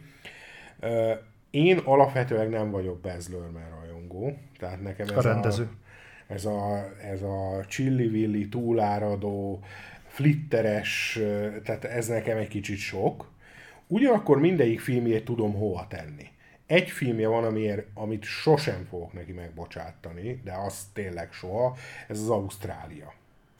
Én azt gondolom, hogy ha egy rendező, egy világhírű rendező, mert akkor ő már világhírű rendező volt, ilyen szereplőgárdát kap a kezébe, mert ugye Ausztráliának azért vannak világsztárjai, Egy-kettő akad.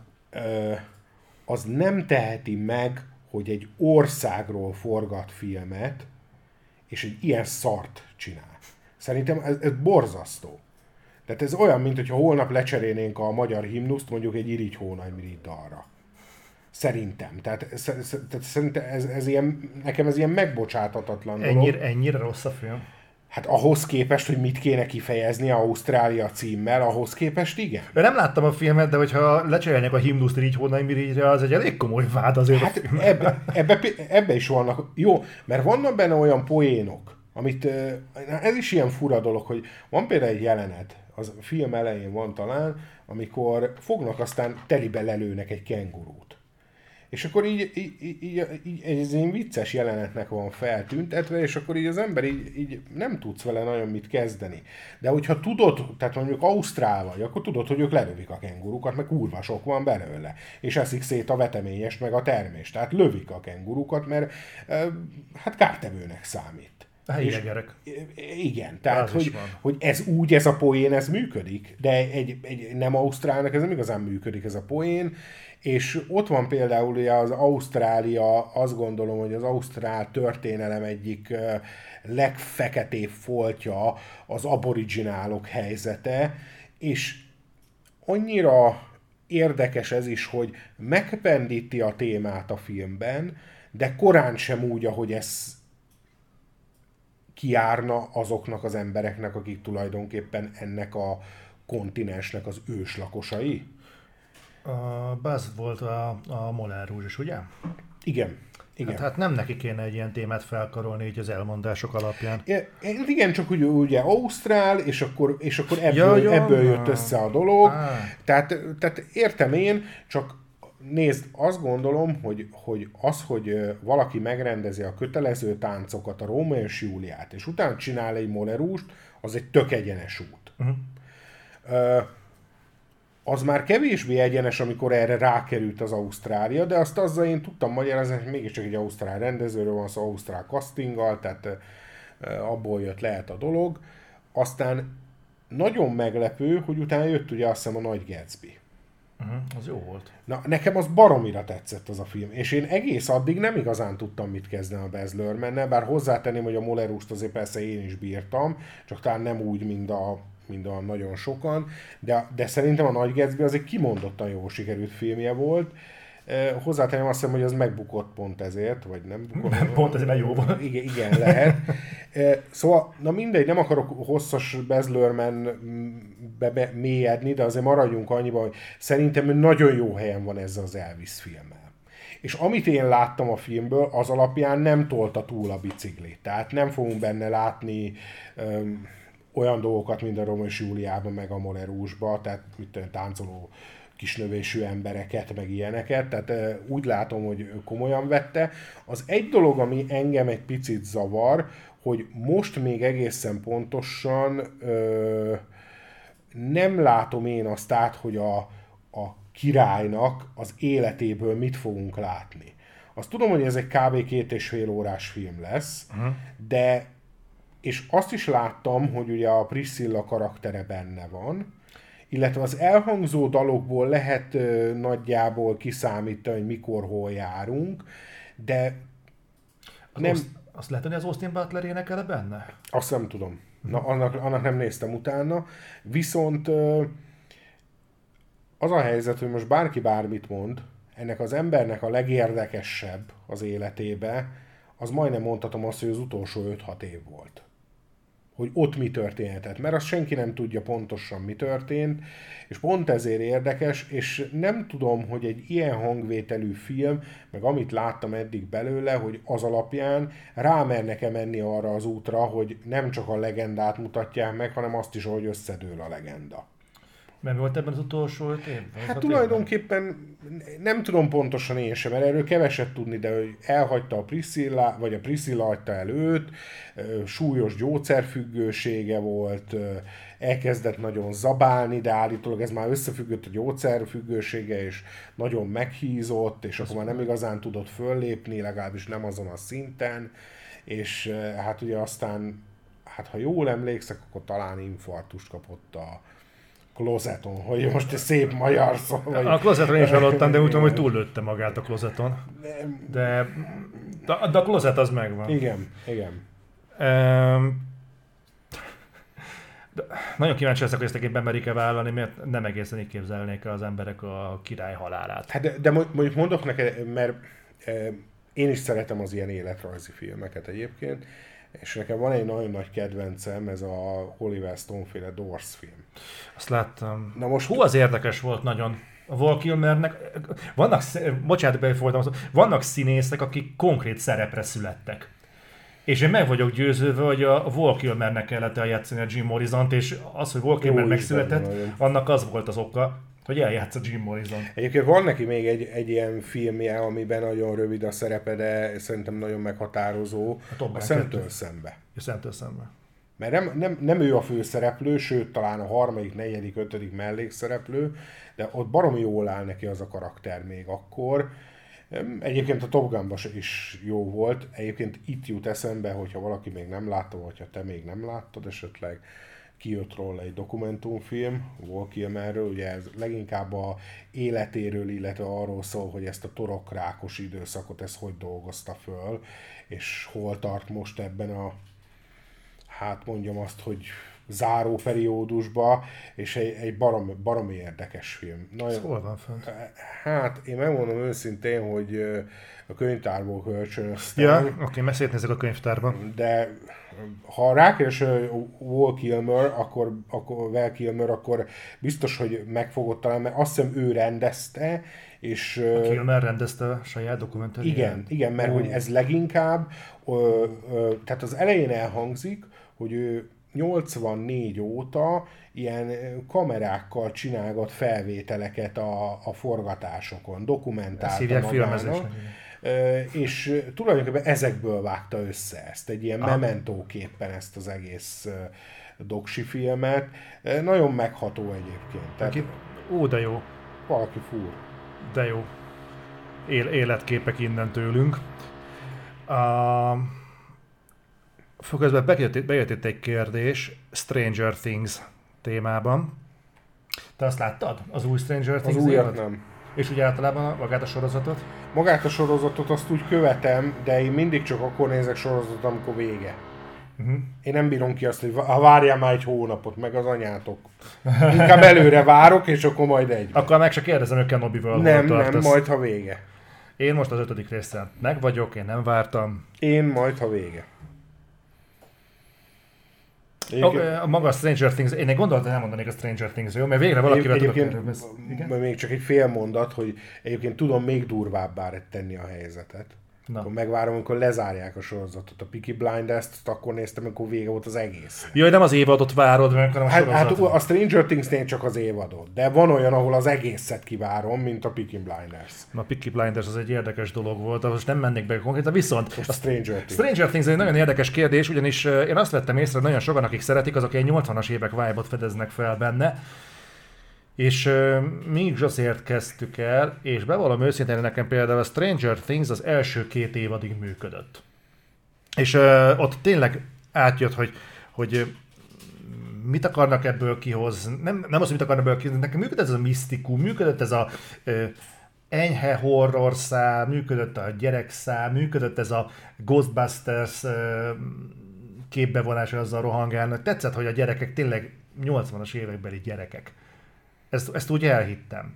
És valahogy a harmadik évadtól kezdve valahogy úgy, úgy, úgy, úgy, olyan, mintha ezek az emberek eddig, ezek a dolgok így eddig párhuzamosan mentek volna, a horrorjesztés, a történet, a gyerekek, meg ez a kémia, és valahogy az egész elkezdett úgy szépen módszeresen eltávolodni egymástól. Tehát a történet az elment ilyen rettenetesen abszurd irányba, a horror az, eh, az inkább, az, az maradt ahol volt, a gyerekek azok nőttek fel, mert egyre kevésbé hasonlítottak gyerekekre, a köztük lévő kémiát azt én egyre kevésbé tudtam egyébként magaménak érezni.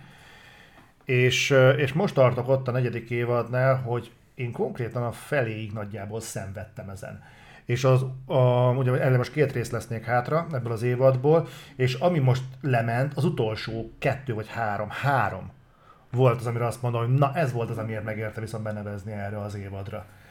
És lehet, hogy ebben benne van az is, hogy ezek a gyerekek most már azért, hát a nagyjuk most már inkább 20 éves, sőt van egy szereplő köztük, aki már közelebb van a 30-hoz, és valahogy nekem ez a fajta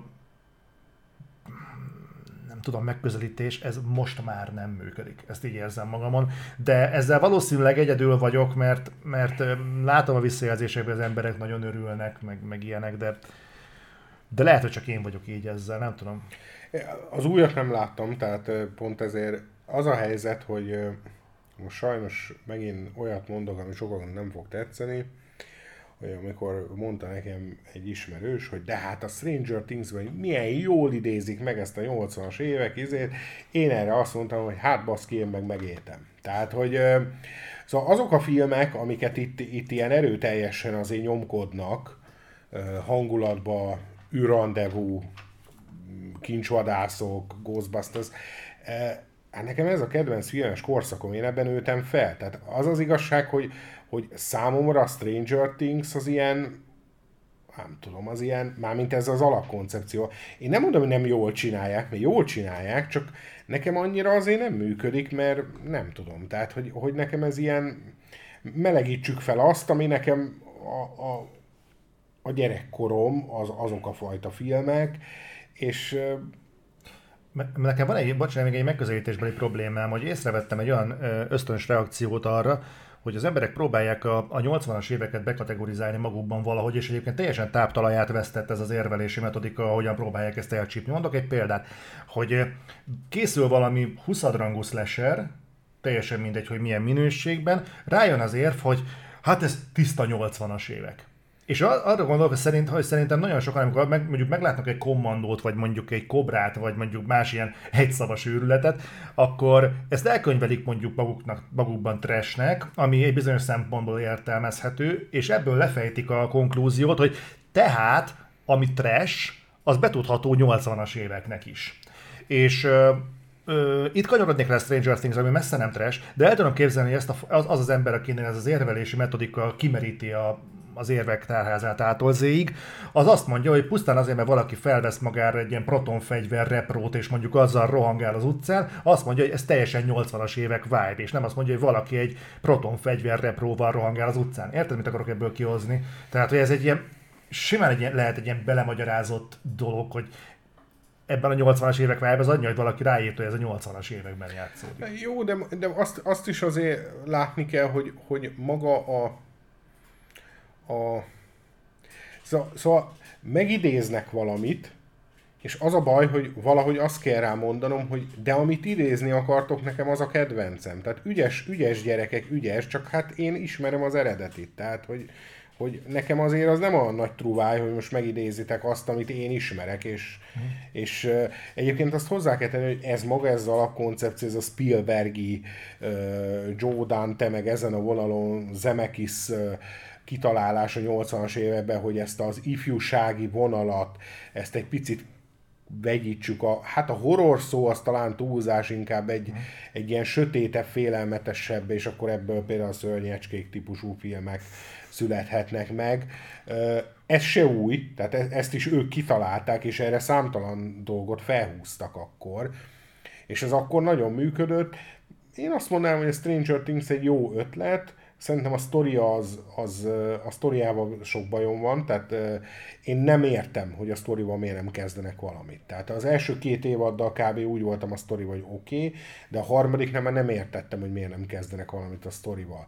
Talán a második rész, de lehet, hogy most hülyeségeket beszélek, második évadban van az, amikor a 11-es eltűnik, és amikor visszafele jön, akkor találkozik a városban ilyen gyerekekkel, akik szintén ilyen fura képességeik vannak azt teljesen elhagyták azt a szállat. És, azt, és nem értettem, azt hittem most indultunk el végre valami más vonalra, és, és, és végre valami sztori szinten is történt, ehhez képest semmi nem történt vele. Nem tudom, azt meg tudjuk osztani a, a kedves egybegyűltekkel, azt a történetet, amit nekem mondtál, amit egy forgatókönyvíró barátod mondott, hogy hogyan készülnek a forgatókönyvek? Hát igen, mert ez, mert ez nem a sorozat, so, sorozat, sorozat, sorozat, tehát a sorozat forgatókönyvek hogyan készülnek. Persze egy baromi érdekes meg szempont, nyilván név nélkül, de te több ilyen embert ismersz, hát ilyen közegben mozogsz. Hogy általában mindig egy, egy évad, az első évad, az eleje van meg, meg a vége.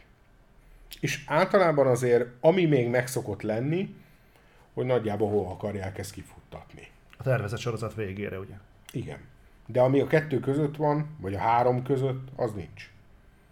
Mert ugye nincs is sok értelme a dolognak, hiszen bár egyébként hozzátenném, hogy azért a, a Stranger Things-et itt mindjárt megvédeném, mert legjobb tudomásom szerint ott az első évad az fullosan meg volt írva, és viszonylag régóta házaltak a, a testvérpár azzal, hogy találjanak-e otthont, ahol meg tudják valósítani, tehát az egy kicsit eltérő, de egyébként számtalanszor részt lehet venni ezt a sorozatok világában, hogy a kezdeti emberek, akik elkezdték írni, meg akik elkezdtek vele foglalkozni, a vége fele kiszállnak belőle, és ez leginkább sokszor azért tudható be, mert amikor ők rendelést kaptak, vagy berendelték a sorozatukat, akkor valószínűleg itt, itt még nem tartottak. Tehát ez a, talán a, ö, hogy mi is a szívek szállodájából is azt hiszem lelépett a hölgy a, a, a végénél.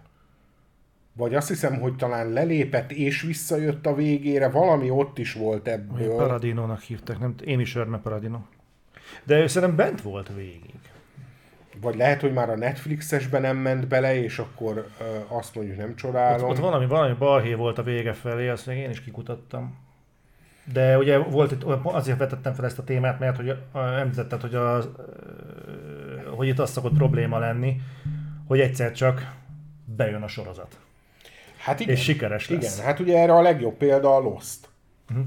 Ami, ami ugye ma már talán nem lehet, nem mondhatjuk, hogy titok lenne, mert hát már több mint tíz éve lezárták, de ugye hát a Lindelof ugye ma az egyik, mondjuk így az egyik legjobb forgatókönyvíró zseni, bár sokan utálják, de ugye ő azt ugye meg is mondta, hogy ő a harmadik évad volt, a harmadik évad vége volt, amit ő gondolt egyfajta befejezésnek, és annak idején az első évadot írták meg nagyjából, és ő azért nem volt hajlandó utána semmilyen szinten részt venni ebbe, mert ő azt gondolja, hogy onnan nincs tovább. Tehát az, hogy most sikeres, és a stúdió úgy gondolja, hogy legyen több, az nem azt jelenti, hogy ő is úgy gondolja, és ő nem úgy gondolta. Uh-huh. Egyébként azt azért hozzátenném, hogy, hogy pozitívum, hogy tulajdonképpen a harmadik évad lezárását, ezt lehet egyfajta lezárásnak tekinteni a, a Lost esetében. Vagy ott van a közös egyik nagy kedvencünk.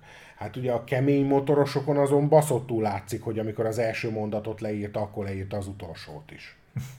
Tehát az, azon nagyon látszik, hogy, hogy ott a befejezés az már akkor megvolt, amikor a legelső mondatot leírta a forgatókönyvbe. Vannak benne mellékjáratok, vannak benne, még azt mondom néha a logikát is enyhén megingató fordulatok, mármint nem olyan fordulatok, mint a Samalannal, másfajta fordulatok, de összességében azt szerintem kijelenthető, hogy ha a kemény motorosokból az első részt megnézed, akkor azért nagyjából sejtheted, hogy az utolsó snitt az majd mi lesz. Valamikor egyszer a végén. Hát mondjuk kurvára meglepődtem, mert jó, de én belemerülök ilyenkor a dolgokba. Amikor másodjára megnéztem, akkor nyilváltak ezek a dolgok nekem egyértelművé, mint például a kukázó csajnak a képe is, ja, hogy, igen. hogy időről időre felbukkan, amikor válaszút érkezik a Jax. De nekem bele nem volt ennyire triviális. De érdekes, hogy amikor mondtad, hogy annyira fel tud higulni egy idő után maga a script, hogy, hogy gyakorlatilag eltávolodik a befejezéstől magától. És hogyha belegondolsz, akkor nagyon sokszor például a Netflixes sorozatoknál ezt én többször észrevettem, hogy néha érezhető, hogy pont ott középen van két tök fölösleges epizód. Most ez nem feltétlenül a Stranger things nekem például egy nagy, nagyon, tényleg nagy kedvencem.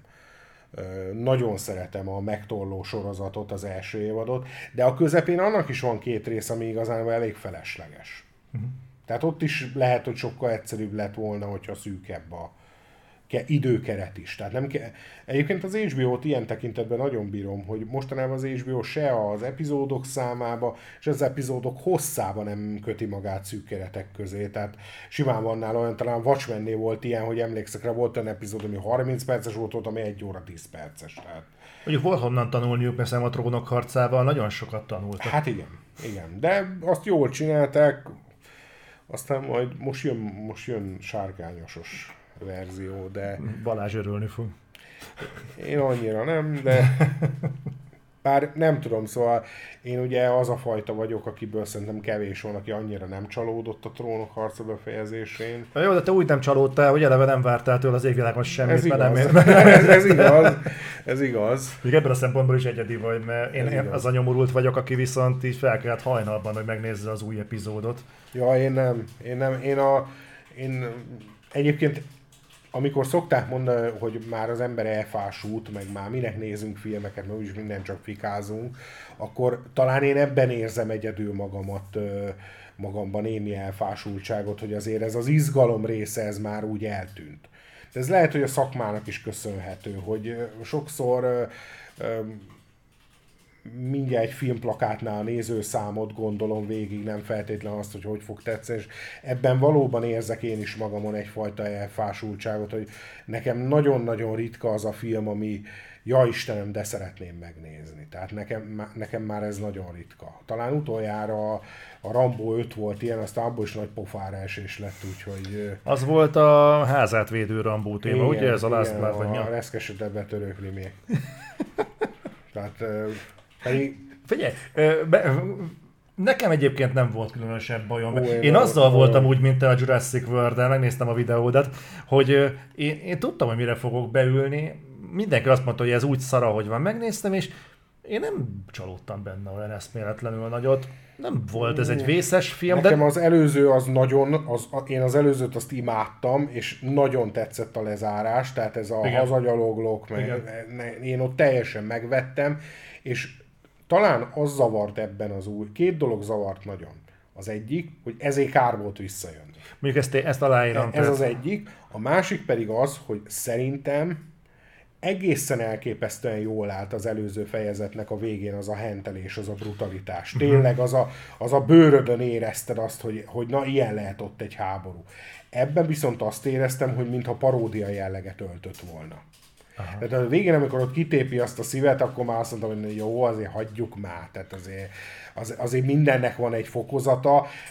Láttam, a, láttam egy videót például a Youtube-on, ahol egy katona mesélt a, erről, tö, több filmről mesélt, de többek között feljött a Rambónak a negyedik része, és azt mondta a csávó, hogy bizony ez a puska, amit ott, nem puska tulajdonképpen, ez egy ágy, vagy nem tudom, sorozatlövő, gépfegyver, talán ez a jó szó, hogy ez, amit ott használ Rambó, ez tényleg ilyen. Tehát ugye be, tényleg ekkora golyók vannak, és ez ketté tép egy embert, hogyha erre rálőnek.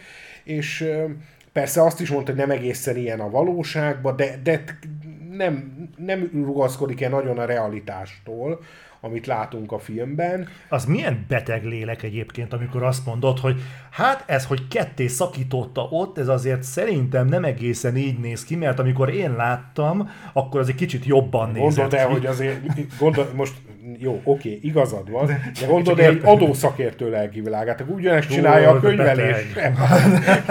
az milyen lelkivilág lehet, aki a könyvelésre tudja ezt csinálni. Szóval, hogy, hogy nekem annyira kompakt volt meg minden az előző rész, hogy én, én arra számítottam, hogy ha már visszajönnek, akkor már valami lesz belőle.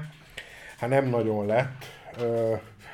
Egyetlen egy dolog tetszett nagyon, tehát egy olyan része volt, ami nagyon tetszett, amikor ugye ott összeverik talán Mexikóba megy, talán, talán, és és akkor visszamegy a csávóért, és akkor ott mindenki ott el van hűve halva, hogy ott mi történt, amikor ott helyszínenek a házba, és akkor egy snitre mutatják, hogy megy el a kocsi, az kidobja a csávó fejét. Na az az egy, az az egy jelenet, az, az nagyon, te, az tényleg egy olyan jó rambós jelenet volt, de a végén ez a szívkitépés, ez viszont meg már nekem sok volt. Uh-huh. És a másik dolog, amire én nagyon számítottam, ami, ami lehet, hogy csak az én butaságom, én azt gondoltam, hogy ha visszajön, akkor megölik. Az egy szép keret lett volna. Mert hogy, mert, hogy, mert hogy nem nagyon van már benne ebbe az emberbe még egy Rambó film. Hány éves a Stallone? 70? Hát egy 80-hoz közelít most. 70 fölött. Tehát azért, azért most már még egy Rambó film nem hiszem, hogy benne lenne. A Creed film az más, de egyébként a jól tudom, a Creedbe se lesz most már a harmadikba benne, de az más, mert ott nem kellett már neki ugye nagyon megmozdulnia. A plakáton még rajta van. Most láttam egy Creed plakátot. De szerintem az még nem eredeti plakát. Az, az még szerintem még ilyen fanmade vagy valami, mert Szerintem még hivatalos nincsen. Egyébként, hogyha jól tudom, akkor a hármasba lévő Mr. T fiával fog verekedni, tehát tiszta családi ah, Most ez komoly. Igen. Ez akkor úgy remékelsz valamit, hogy azért szeretnél önállónak tűnni valamennyire. És, De... akkor, és akkor a, a, ezt elvihetik egyébként a Creed 5-ig ott meg a Rocky fiával fog bunyózni? Lehet, vagy? lehet. Bármi lehet. Egy, bár most jelen pillanatban már Stallone csak három lánya van, mert ugye a fia meghalt, szóval Mármint a, a Stallone. A, az, igen, az igazi stallone De hát ugye a, a Rocky filmben is ugye egy fia van tulajdonképpen, igen. de az van a Milo Ventimiglia, úgyhogy ő, ő, bár ugye ő nem boxolt eddig, de hát... Még megcsinálhatja, hogy megmondom neked őszintén, hogy ilyen a Creed filmekkel, hát én nem biztos, nem érzem magamban, hogy én okvetlenül, mert nagyon érde, nagyon, nem tudom. Neke, nekem nagyon érdekes viszonyom van ezekkel a filmekkel, mert én a Rocky Balboa az nekem ilyen toplistás film. Jó, én, én, én, én, az, én, én emlékszem rá, hogy amikor, na látod, ott volt az, hogy azt egyébként pont sikerült megszereznem egy ilyen screenerbe, és nagyon-nagyon korán sikerült megnéznem. Na ott volt az, hogy ott viszont nem számítottam semmire.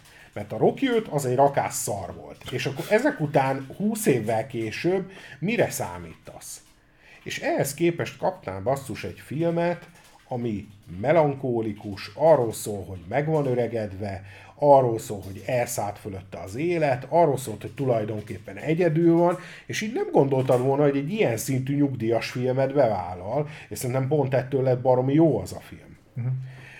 És pont ettől nem lett jó aztán, és pont hasonlókokból jó lett a Rambó 4, és hasonlókokból nem lett jó a Rambó 5.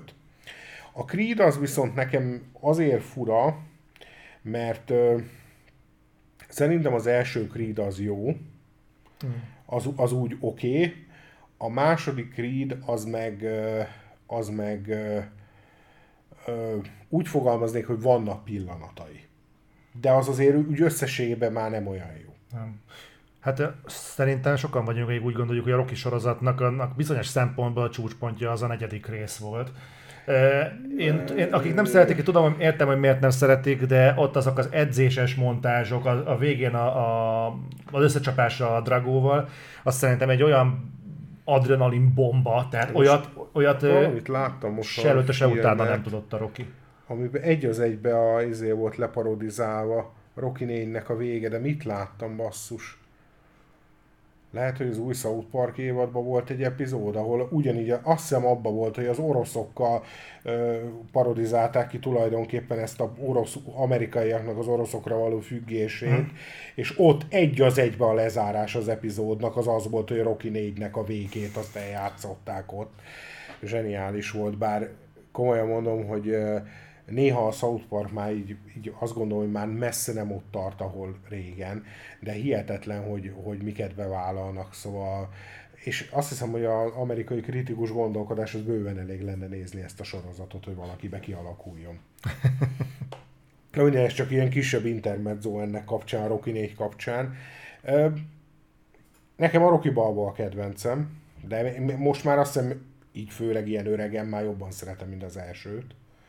És az nekem akkor nagyon pozitív meglepetés volt.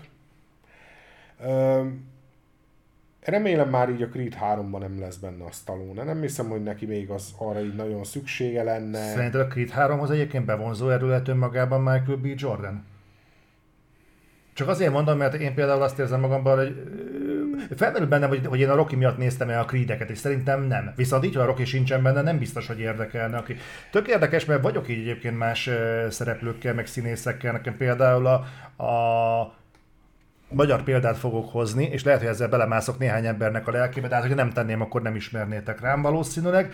Tehát én például Puzsér Robival vagyok így, hogy azok a beszélgetések, amik ott van, amik vannak, amikben jelen van, azoknak a beszélgetéseknek az értékét, a, a, a tűzét, meg a lendületét azt növeli. De, de a palit önmagában én képtelen vagyok nézni, vagy hallgatni, mert nekem egészen egyszerűen sok és tömény. De azt nem tudom elvitatni, hogy, hogy vannak olyan műsorok, amikben muszáj, hogy ott legyen, mert kell az a, az, az erős, az a lendület, amit ő képvisel. És hogy hasonlót érzek a, a, a Creed-nél is, nem tudom megfeleltetni ezt a konkrét példát az embereknek, de érted, hogy a, a, a Rocky ott léte az hozzáad, a hiánya viszont Tudod, so, túl sokat veszel. Tudod, mi a szerencsé a Creed filmeknek? Hogy azért olyan nagyon egyik se volt sikeres, legalábbis ezek a Marvel léptékekkel. Hát jó, Tehát ő neki egy más szintet kell hozni, és szerintem az képes lesz hozni, még az is elképzelhető, hogy bizonyos rajongó tábort kiépített már magának.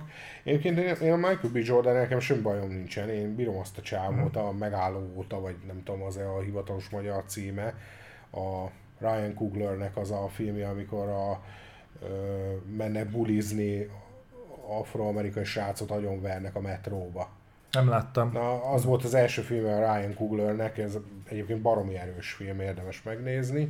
És azt hiszem a Michael B. Jordannek is talán az első filmjei között van. Szóval én bírom egyébként a csávót, úgyhogy, úgyhogy én, én látok fantáziát a Creedbe, de azt is értem, hogy Stallone miért akart ezt elengedni.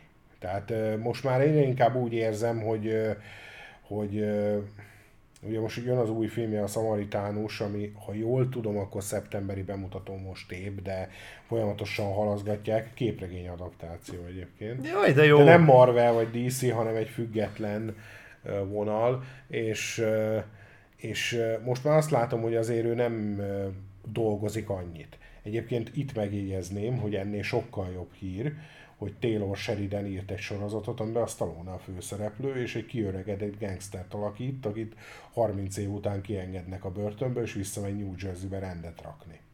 Ez nem ilyen Get Carter szintű Nem biztos, hogy New Jersey-be várja, lehet, hogy Chicagóba, most, most ebbe lehet, hogy tévedek, de aki, amit láttam eddig promóképek, azok baszott jól néznek ki. És az... a Taylor Sheridannek a neve azért valamennyire garancia a minőségre szerintem. Bár mondjuk mióta az Angel Jolie-ra rágyújtott egy erdőt, azóta kicsit vannak gondjaim a csávóval. Jó, hát figyelj, senki sem lehet tökéletes, mindenkinek lehetnek szarnapjai. Hát az, az, ez egy elég szarnap volt az a film. Az, az, az nagyon nem, nekem nagyon nem. Viszont srácok, eljutottunk addig a pontig, hogy a mostani projektort azt így ö, ö, zárjuk, szerintem. És viszont akkor hozzunk össze majd még egyet.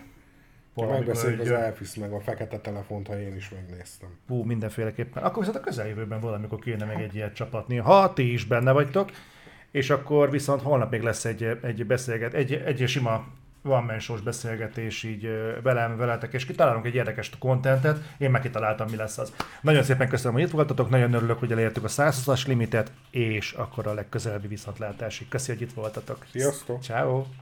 Thank you.